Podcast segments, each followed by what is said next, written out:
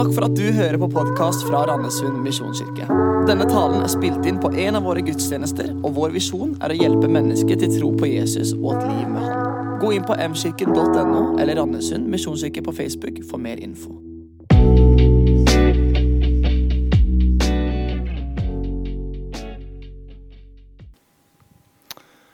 25. januar i 1953 har Ole Hallesby en tale i Storsalen i Oslo.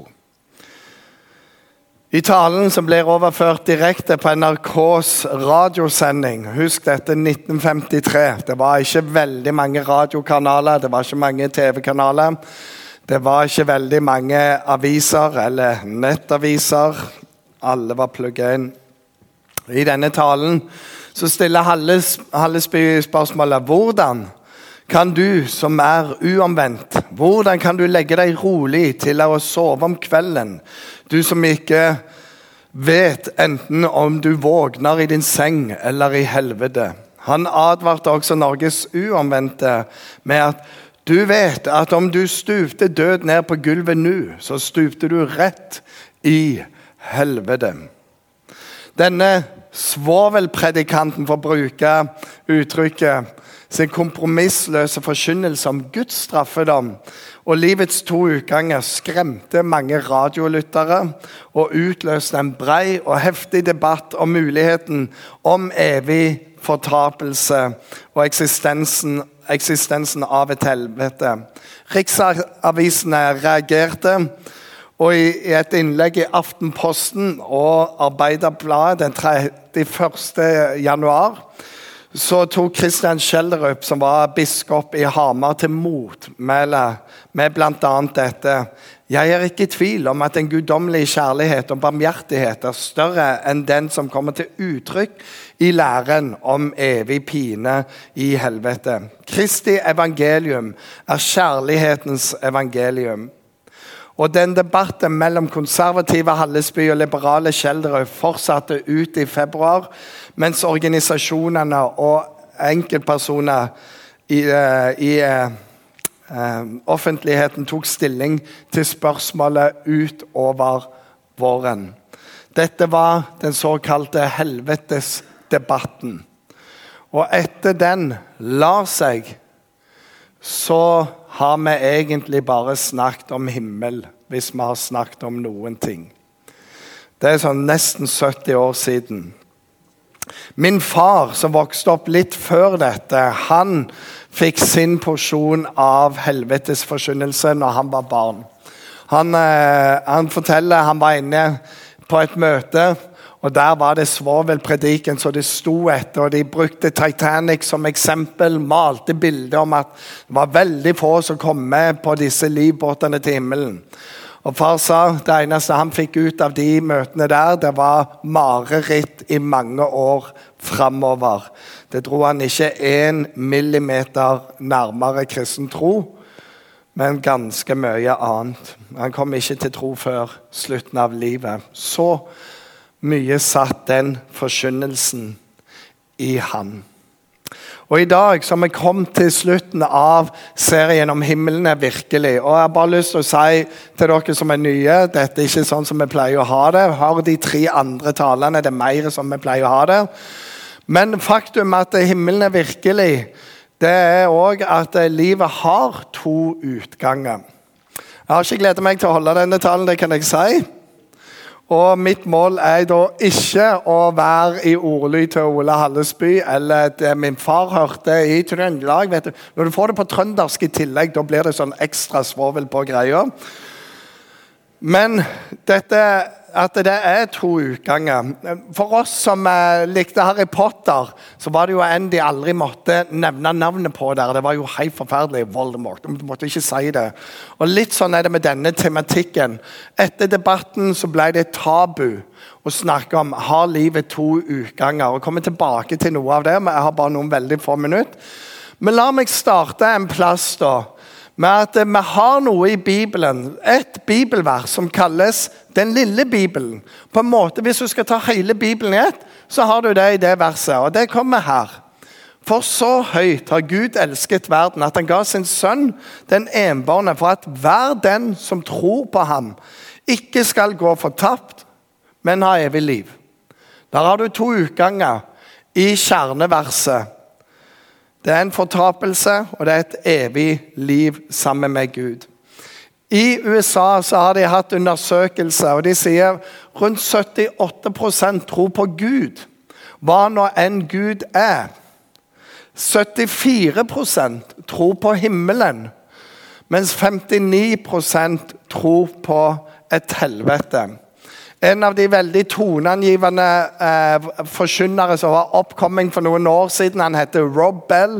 Lagde masse videoer, var veldig eh, innovativ. De spurte han tror du på helvete. Så sa han ja, det gjør jeg. Jeg tror på et helvete hver eneste dag. Med misbruk, smerte, ondskap, sånn som vi ser det. Men det er her, ikke et evig helvete bare på jorden. Det var hans svar. Og det er flere som har sagt det samme som ham. Problemet med dette er jo at eh, Jesus faktisk snakker en god del om denne tematikken. Faktum er at han snakker mer om fortapelse enn han snakker om himmel. Og hvordan kan det ha seg? Jo, for det er kanskje noe unnfly og kanskje noe å oppnå. Nå er det en smeigedag så bra du får den i mai. Og I dag så håper jeg noen av dere skal ut i båt. Hvis du aldri har vært rundt Flekkerøya, så er det litt sånn hvis du skal i farvannet der, så kommer du til å høre at det er noen skjær der. Og det er noen plasser du ikke bør ta båten. Og Folk sier ikke det for å være stygge med deg, men for at du skal få en god tur i båten. Men da må de si du må følge lei, du må ikke gå der, du må ikke gjøre det og det, og det, for det går rimelig ille. Du må advare om det. Og helvete Ordet helvete er jo et litt sånn konstruert ord, fordi Gehenna er ordet som egentlig dette leder ut ifra. Gehenna er nå en nydelig plass i Israel. Det var søppeldungen utfor Jerusalem. Og For de første, når, når, de snakket om fortapelse i forhold til Gehenna, så forsto de det er der Gud kommer til å kaste sitt søppel, om du vil. Det var billedlig tale. Men det var òg en plass der det var skjedd menneskeofring og fæle ting. Så Gehenna hadde en utelukkende negativ klang. Det er sånn når du snakker i bildet og bruker det. Så når Bibelen da skulle oversettes på ny, det kom en ny versjon i 2011, så var jo mange frampå. Skulle vi fortsette å bruke ordet 'helvete', for det er så negativt belasta? Eller skulle vi gå over til å bruke 'gehenna' om fortapelse? Og Det var en stor debatt, for det er så mange frykter. Hvis du oversetter med ordets opprinnelse, så vil de òg fjerne hele fortapelsen. Det er bare en plass i Israel som er veldig fint nå. Nydelige trær og en blomstereng. Der kommer Gud til å kaste deg. Så noen sa det, vi kan gjerne oversette det, men da må vi oversette meningene òg. Og der står det. Så gjennom denne talen så skal jeg bare sånn fem ting om fortapelse.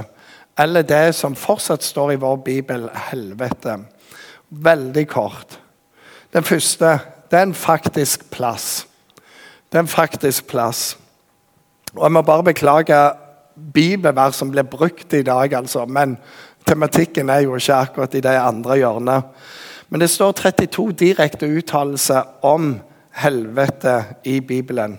162 forskjellige referanser til det gjennom Bibelen. Og I Daniels bok kapittel 12 så får du en rimelig eh, heftig eh, ting der om trengselstid og om evig pine. Og som jeg sa, Jesus han, han snakker mye om det. Faktisk 70 ganger snakker han om dette direkte, gjengitt i Bibelen. Og Han sier bl.a. dette.: Vær ikke redde for den som dreper kroppen, men ikke kan drepe sjelen. Frykt heller han som kan ødelegge både sjel og kropp i helvete. Og Det, det er helt sprøtt, for dette er Jesus. Og han går jo for å være verdens mest kjærlige fyr. Og hvordan kan det ha seg at verdens mest kjærlige fyr hiver opp sånne ord? For det er jo knallhardt. Det er jo sånn man kan kjenne det. Og så er jo kanskje det en kjærlig fyr gjør, da. Hvis det er noe du må unngå. Jeg er far. Og det er rett som det er, så sier jeg noen ting til mine barn. Så det må du ikke gjøre. Det må du aldri finne på. Du må ikke gå i nærheten av det, for vet det er fare forbundet med det. Og da er ikke det sånn at jeg bare håper de oppdager det av seg sjøl. Og tenker ja, ja, kunne jo sagt ifra. Du sier ifra fordi du ønsker å advare dem så de skal slippe å ha det vanskelig. Og På gresk så er det to uttrykk som brukes. Det ene er Hades. Det står for dødsriket. Brukes gjennom uh, Bibelen litt på ulike måter. Og så er det dette Gehenna, som vi allerede har vært inne på. Eh, som, eh, som, var ordet der dette kommer ofte ifra. Men i Bibelen det, det som gjennomgående er at det er to utganger. Det er en himmel, og det er en fortapelse. Og Så får vi sette ordet på det. Og så vil jeg si, eh, Vi kan diskutere til vi grønne hva det egentlig er og egentlig ikke. Men det betyr ikke så mye. Det er to utganger. og Jesus sier den andre er så ille at du har ikke lyst til å være der. Strutsen gjemmer hodet i sanden. Da er han bare borte. Og Litt sånn har vi siden 1953 bare gjemt dette, og så er det borte. Men det er kanskje ikke det likevel. Det er en reell plass. Det andre tingen er at det er en intensjonell plass. Og hva menes med det? Jo, eh, I Matteus 25 så snakker Jesus i flere lignelser. og Han sier en dag når vi kommer til himmelen, så skal Gud skille geitene fra sauene. Og, og det, det, vil ha forskjellig konsekvens i liv resten av evigheten, hvor vi ender opp. Og Han sier dette i vers 41. Så skal han si til deg på venstre side, gå bort fra meg, dere som er forbannet, til den evige ild. Og så kommer det som er gjort i stand for djevelen og englene hans. Det var intensjonen hans. Guds hjerte er ikke at det noe menneske skulle i den evige pine, som det står, eller evige ild, som det står her. Og noen sånn, Evig ild, det går jo ikke an. Det må jo brenne opp. Ja, har du hørt om, om, Moses? Han fikk en sånn der en flamme som ikke brant opp. Gud kan gjøre hva han vil, når han vil. Ikke heng deg opp i jordiske termer.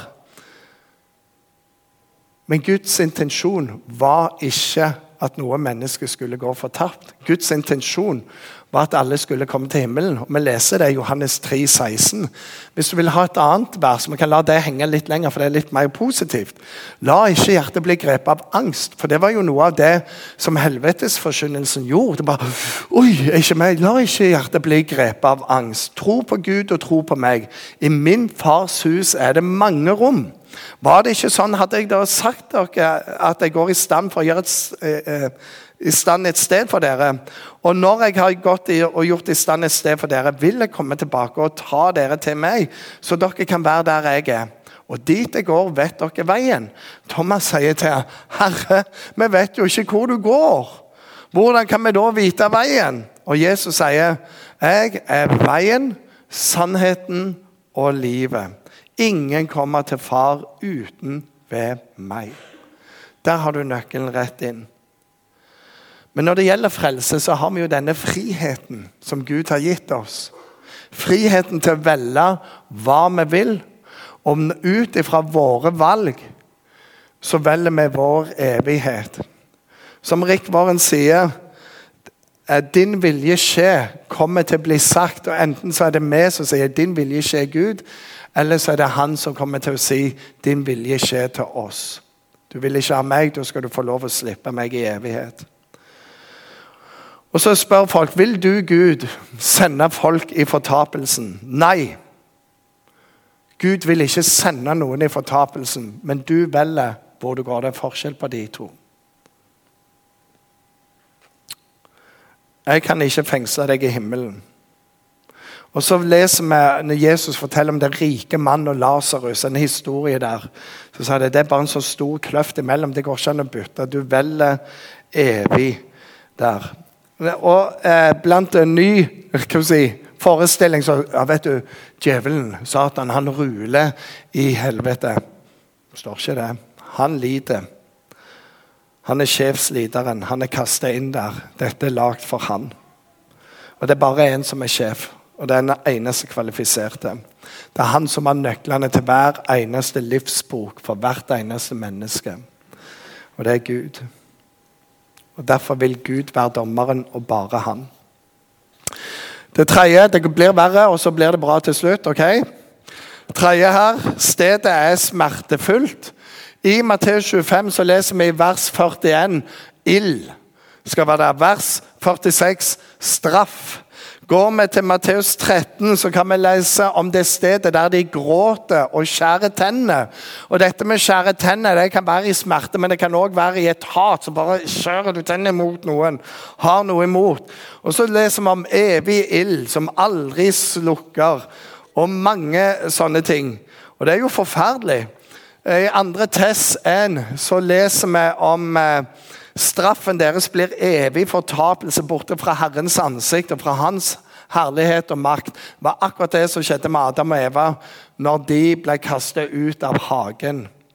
Det var borte fra Guds åsyn. De kunne ikke ha det.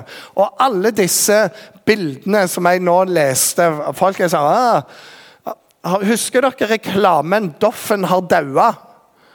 Det er da en liten gutt som kommer inn på rommet sitt, ser ei glassbolle, og der ligger jo en fisk død, gullfisken hans. Og mora ser det, og hun blir jo helt ifra seg. Hvordan skal jeg formidle dette til den kjære gutten min? Jeg måtte se på ham på ny. Så sier jeg ah, du vet det, Doffen er kanskje litt sliten. Trenger jo hvile litt. Ja, du vet, Nå kjører mamma eh, Doffen ut på landet, der Ole og Dole også er. Nå kan han kjenne litt på hvordan det er å klare seg selv. Og så står hun der, og så kommer søsteren. Hva skjer da? Doffen er daua. liksom sånn. Kan du ikke bare si rett ut? liksom, det er greia. Så Alle disse greiene her de har jo et mål.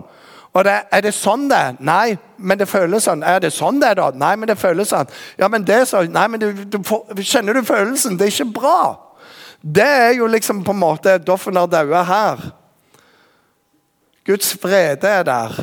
Det er ikke pause i smerten, står det. Det er dag og natt. Historien sier noe om smerten er umiddelbar, følbar og forferdelig. Og det, det, er ikke noe bra. Det er ikke noe bra i det hele tatt. Det fjerde stedet skal vi høre, er kanskje en evig plass. Og sier kanskje. Fordi det er ikke det viktigste. Men det står i dette verset her og disse skal gå bort til evig straff, og de rettferdige til evig liv. Det er det samme ordet som brukes som evig og evig. Og vi har lett for å si himmelen er evig. Himmelen er superevig. Himmelen er for alle som tror. Det kommer til å være evig. Du står der. Så problemet ja, men der står det andre òg, i samme setning. Og det er, det er veldig bra kunststykke å skille de. Altså, du må være veldig god teologisk og bruke veldig mange ting.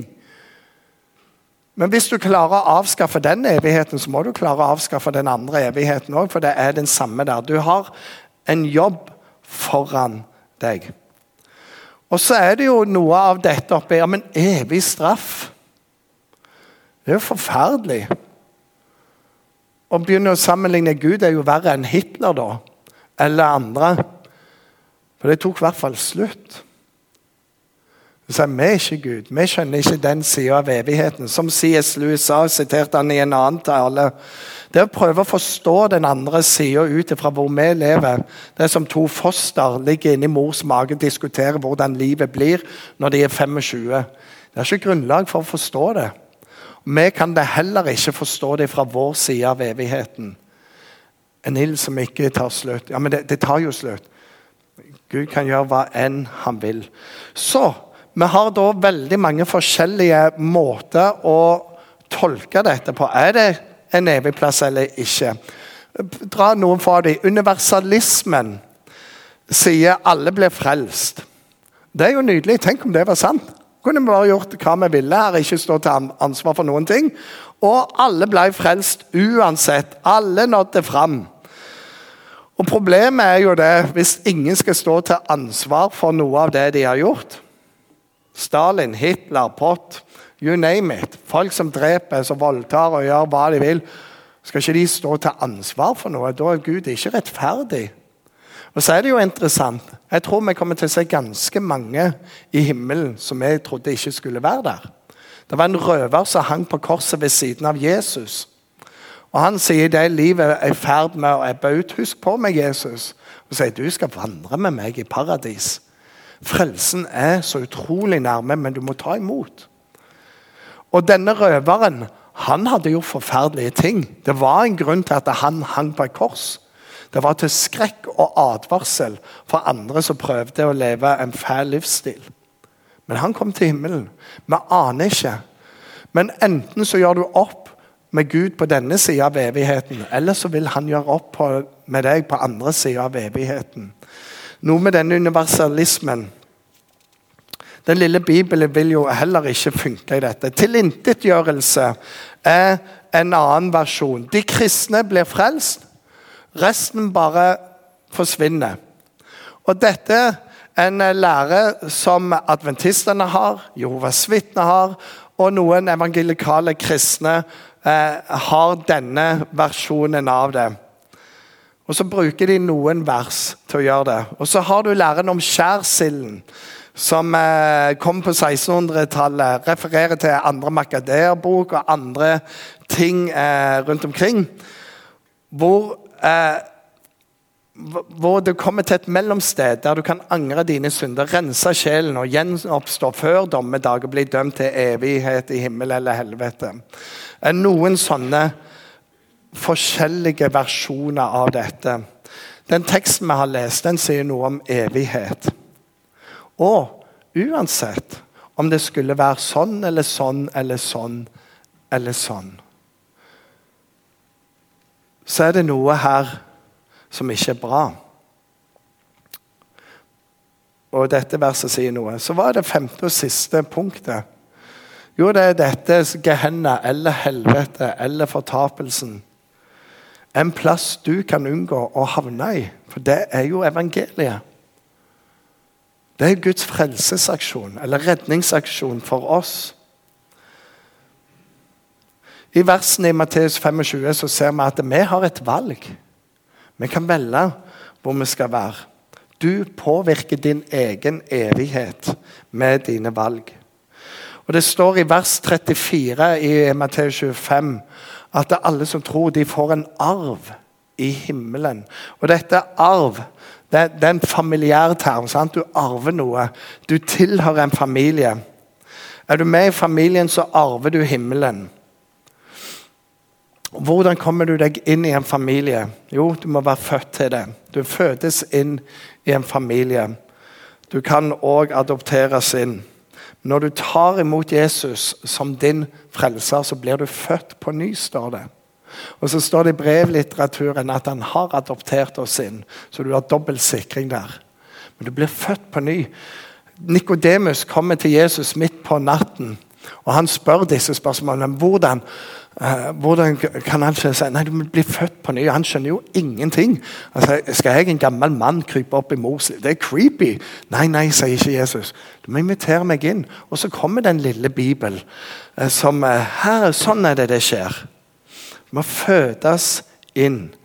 Det står dette òg. Tyven, som da er djevelen, kommer for å stjele, myrde, ødelegge. Men jeg, sier Jesus, har kommet for at du skal ha liv og liv i overflod. Så med disse livets to utganger skal vi slutte der vi begynte. Og jeg vet ikke om du har sett sånne komiserier, men av og til så har de sånne plakater. For det er alltid noen kristne i Amerika eller ungdomspastorer i Randesund som har sånne plakater med seg på fotballstadion og sånne ting. Sant? Og Da er det jo Johannes 3, 16 det skal være. Og så er de litt kule da på komedier, for de tar Johannes 3, 17. Og De har jo aldri lest det, men vi kan jo lese det sammen. For i 16 står det For så høyt har Gud elsket verden, at han ga sin sønn den enbårne, for at hver den som tror på ham, ikke skal gå fortapt, men ha evig liv. Så kommer 17. Gud sendte ikke sin sønn til verden for å dømme verden, men for at verden skulle bli frelst ved ham. Skjønner du? Guds hjerte for deg og Guds hjerte for meg. At vi skal være i himmelen sammen med Han. Og den veien går igjennom Jesus. Han sier 'Jeg er veien, sannheten og livet.